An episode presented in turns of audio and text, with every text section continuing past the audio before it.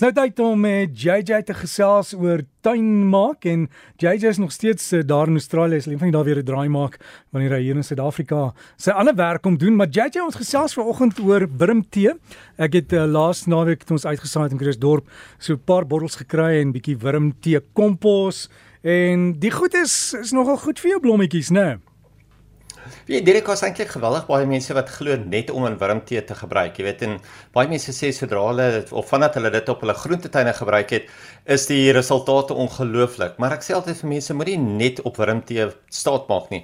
Gebruik nog steeds jou ander bemestingsstowwe, maar gebruik jy wurmtee as 'n bymiddel. Werk baie baie goed. Hy bring natuurlik die goeie bakterieë in die grond in. Hy bring vir jou goeie mikrobes in die grond in. Uh hy maak selfs glo fungusse dood en dit is eintlik baie van sy um, eienskappe.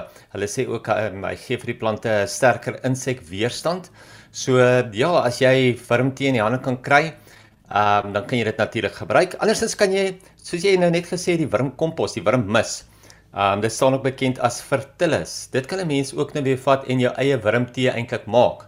So as jy nie die wurmtee self in die hande kry nie, dan kan jy fertilis vat. Nou mens vat gewoonlik so 1 tot 10 mengsel, so 1 gedeelte um, van die fertilis, die vermicast van die um, aardworm afskeiding is as jy so kan stel en dan meng jy dit met 10 dele water en dan los jy dit vir so 'n dag of twee om te trek en dan kan jy natuurlik dit weer eens verdun en dit gebruik as 'n organiese bemesting in jou tuin.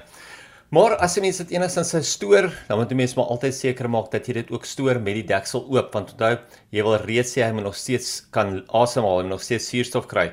So moet dit nie in 'n geslote houer stoor nie en probeer om dit maar redelik gou klaar te gebruik want dit het nie 'n baie lang rak lewe nie.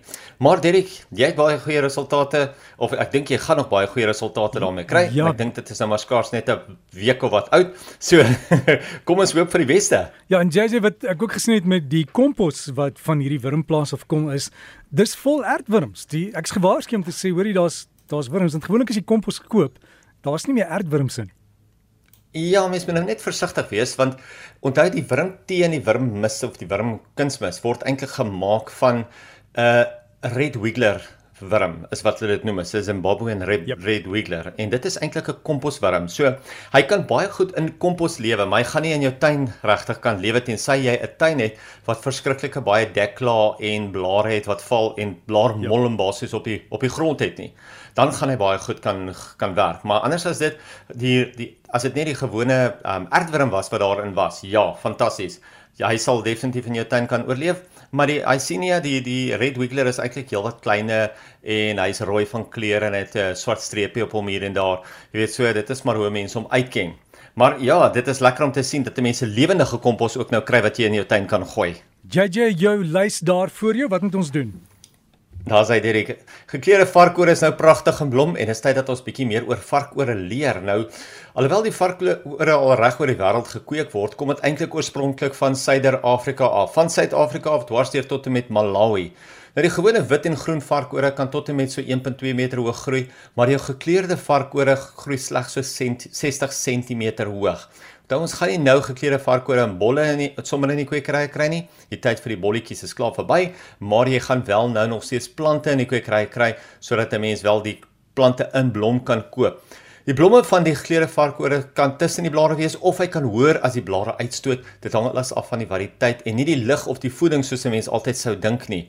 Jou geklede varkode wil ook baie meer son as skaduwee hê en minder water as die witte is. Onthou, dit moet ook dan natuurlik in grond geplant geplant word wat baie goed dreineer omdat die risome nie in water wil staan nie. Ja, die gewysigde wortelstelsel van die varkore word 'n risoom genoem.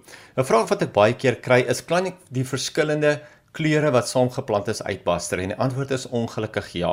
Ongelukkig sal hulle wel weer oor die jare uitbaster en oor die algemeen word hulle eintlik weer geel want dit is maar een van die basiskleure wat um die gekleurde varkore vanaf gekweek is. So, kyk jy het as jy dalk vir jou interessante kleure of so wil kry, kan 'n mens wel nou by die kwekery vir jou nog steeds van daai interessante gekleurde varkore gaan optel.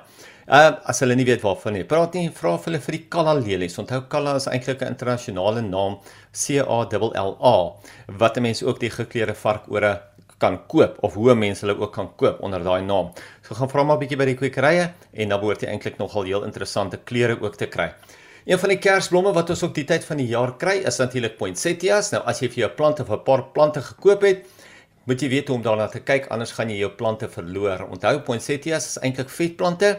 Hulle botaniese naam is 'n Euphorbia pulcherrima en hulle wil eintlik nie baie water hê nie. Onthou veral ook nie op hulle blare nie. So maak ook seker jy hou die plant warm uit die wind uit en waar hy lekker baie lig selfs oggendson of so kan kry. Onthou mense kry deesdae verskillende kleure, dis nie net die gewone rooi nie en terloops is dit nie die blomme wat so baie kleur gee nie, slegs die skitblare om die blomme. Die blommetjies self is klein geel blommetjies, dis in die middel van die gekleurde blare. Um en dit is dan natuurlik die enkelike blommetjies, maar dit wat ons gewoonlik sien, daai pragtige blare is eintlik net die skitblare van die blomme. As jy mooi na jou poinsettias kyk, kan jy na Kersfees om buite plant en dan kan jy dit natuurlik in 'n lekker warm sonnige kol plant en dan kan hy maar baie meer son kry en dan gaan hy meer gewoond wees aan die son. Op hierdie stadium is hy nie baie gewoond aan die son nie, so jy wil hom eintlik nou ergens sit waar hy wel oggendson of so kan kry, van die koeler son kan kry en nie net wanneer hy baie warm middagson nie. Dit is ook vir dieselfde rede hoekom ek altyd vir mense sê probeer om jou plante van die vensters af weg te hou. Onthou as jy daai ekstra warm middagson op jou binne sy se plante kry of plante kry wat nie regtig gewoond is aan die son nie, dan gaan hulle ongelukkig baie maklik op die blare brand. So, kyk bietjie uit vir jou poinsettia en maak seker dat jy hom op pragtig kan hou vir na die kersseisoen dat jy hom wel in die tuin kan plant. Jou groentetuine uh, moet ook nou dat dit lekker warm is, gereeld nat gegooi word, maar dit is belangrik om nie jou groentes deur die aand nat te maak nie. Ons is baie keer die oorsaak van ons eie probleme en as 'n mens jou groentes, veral jou blaargroentes, lank klam hou sal jy geweldig baie fungusse aanbring. Vra maar vir diegene wat al ooit spinasie probeer kweek het of groei het. Nou is die vraag wat van as dit reën? Nou gelukkig as dit net 'n reënbuie of 2 in die laatmiddag of aand is, sal dit nie dieselfde skadelike effek hê as 'n konstante watertoediening op die verkeerde tyd van die dag nie. Tomaties is ook een van daai plante wat nie konstant nat gehou wil word nie beste is om hier 'n lekker dik laag op te gooi of onder by die wortels te gooi sodat die plante se wortels lekker klam bly, maar nie die plant self nie. 'n Groot debat het ook al geheers oor die afbreek van die onderste blaartjies op die tomaties. Nou ek beveel altyd aan dat mense dit doen vir twee redes. As 'n mens die onderste blaartjies afbreek, kry mens baie minder swamme op die blare en natuurlik help dit ook met vrugvorming. So my raad is as die plant groter is, breek hy onderste 2 of 3 blare af sodat mense die stammetjies self eintlik skoon kry. Nou vra mense maar hoekom kry mense minder swamme op die plante? Onthou baie van jou swamme oorwinter of oorleef in die grond en dan sodra die water op die grond spat, dan spat daai funguspore eintlik tot op die blare en dit is hoe die uh, swamme dan eintlik op die plante begin ontwikkel van onder af boontoe. Ag, dit is ook 'n uh, feit dat die blaartjies wat daaronder is, kry nie baie lig nie. So omdat dit nie baie lig kry nie, omdat dit nie eintlik son kry nie, bly dit nie regtig regtig groen nie. So dit kan nie eintlik fotosinteer nie.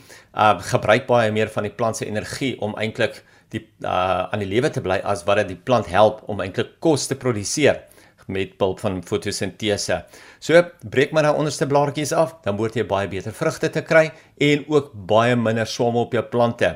As dit kom by die benatting, onthou om eerder te probeer om jou groentetuine veral in die oggende nat te gooi sodat jy minder oppervlakkige vog het wat eintlik in die aand by die plante is sodat daar so minder vog is en minder swamme so kan ontwikkel. Ons plant van die week vir hierdie week is een van daai gekleurde grondbedekkers en dit is die Alternatera Little Ruby. Nou, die Little Ruby is 'n fantastiese grondbedekker wat pragtige wynrooi blare het. Hy's laaggroeiend, hy's gehard. Hy bedek die grond lekker vinnig, veral as jou grond lekker ryk is. Net jy kan 'n lekker dik laag kompos oor die bedding uit, uitgooi en dit dan inspit voordat jy dit plant om seker te maak dat jou grond lekker ryk is. Onthou omdat hy so vinnig groei, sal ek ook kunsmis aanbeveel wat hoog is in stikstof, soos byvoorbeeld 'n 713 om hierdie blare te ondersteun. Hy hou van vol son en soos ek sê, hy hou van lekker baie water. So kyk bietjie uit vir jou Alternatera, maar gaan vra bietjie vir hulle vir die Little Ruby variëteit by die kwekery. En jy het die foto's op die breakfastblad gesit, JJ? Ek is besig om dit op te sit soos jy praat, so of soos ek met jou praat, dit gaan sommer nou-nou daar wees. Alles van die beste JJ en uh, jy weet ek het die mooiste spinasie gehad en gesien daar's die een rispe en nou is net die die wat noem hulle die stalks die die die stammetjies hoor, né? Nee, die stamme. Ja, ja maar ja. dis dis 'n mooi rispe hoor, hy's so kleurvol. Ja, maar jy sien nou Derek, as jy nou regtig greeny was, as jy nou regtig groen man was, dan jy nou 'n tweede spinasie vir hy rispe geplant. Wel nee, nee, is, is nou voeltjie kos hoor. JJ goed gaan, beste hoor.